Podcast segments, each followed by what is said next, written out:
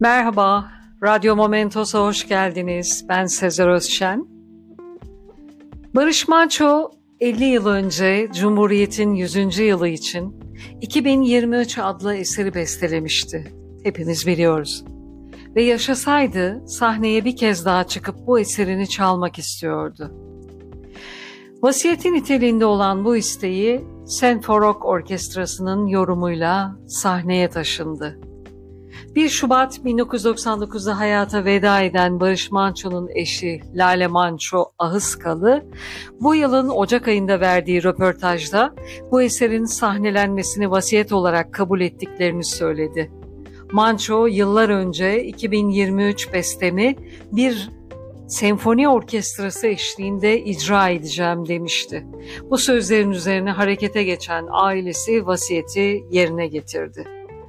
Şef Musa Göçmen yönetimindeki Senforok Orkestrası 25 Ekim 2023 saat 20.30'da İstanbul Avcılar Havuz Meydanı'nda sahneye çıkarak Barış Manço şarkılarını ve 2023 marşını seslendirdiler.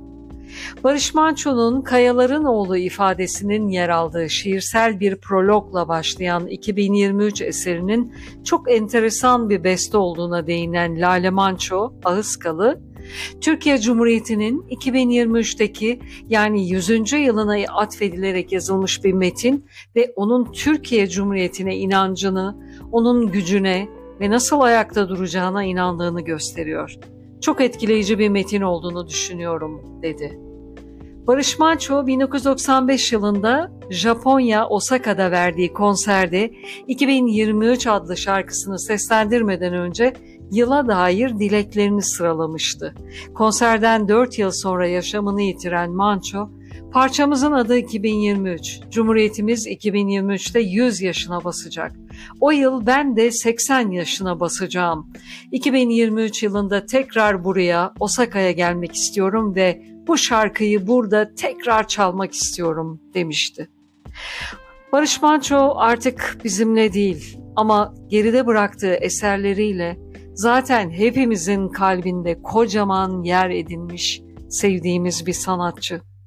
Onun 2023 adlı eserini hepimiz internetten bulup dinleyelim ve her evde onun şarkısını çalarak vasiyetini yerine getirmiş olalım.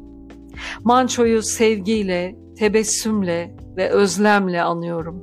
Huzurla ve ışıklarda uyusun. Dinlediğiniz için teşekkürler. Hoşça kalın. Radyo Momentos'ta kalın.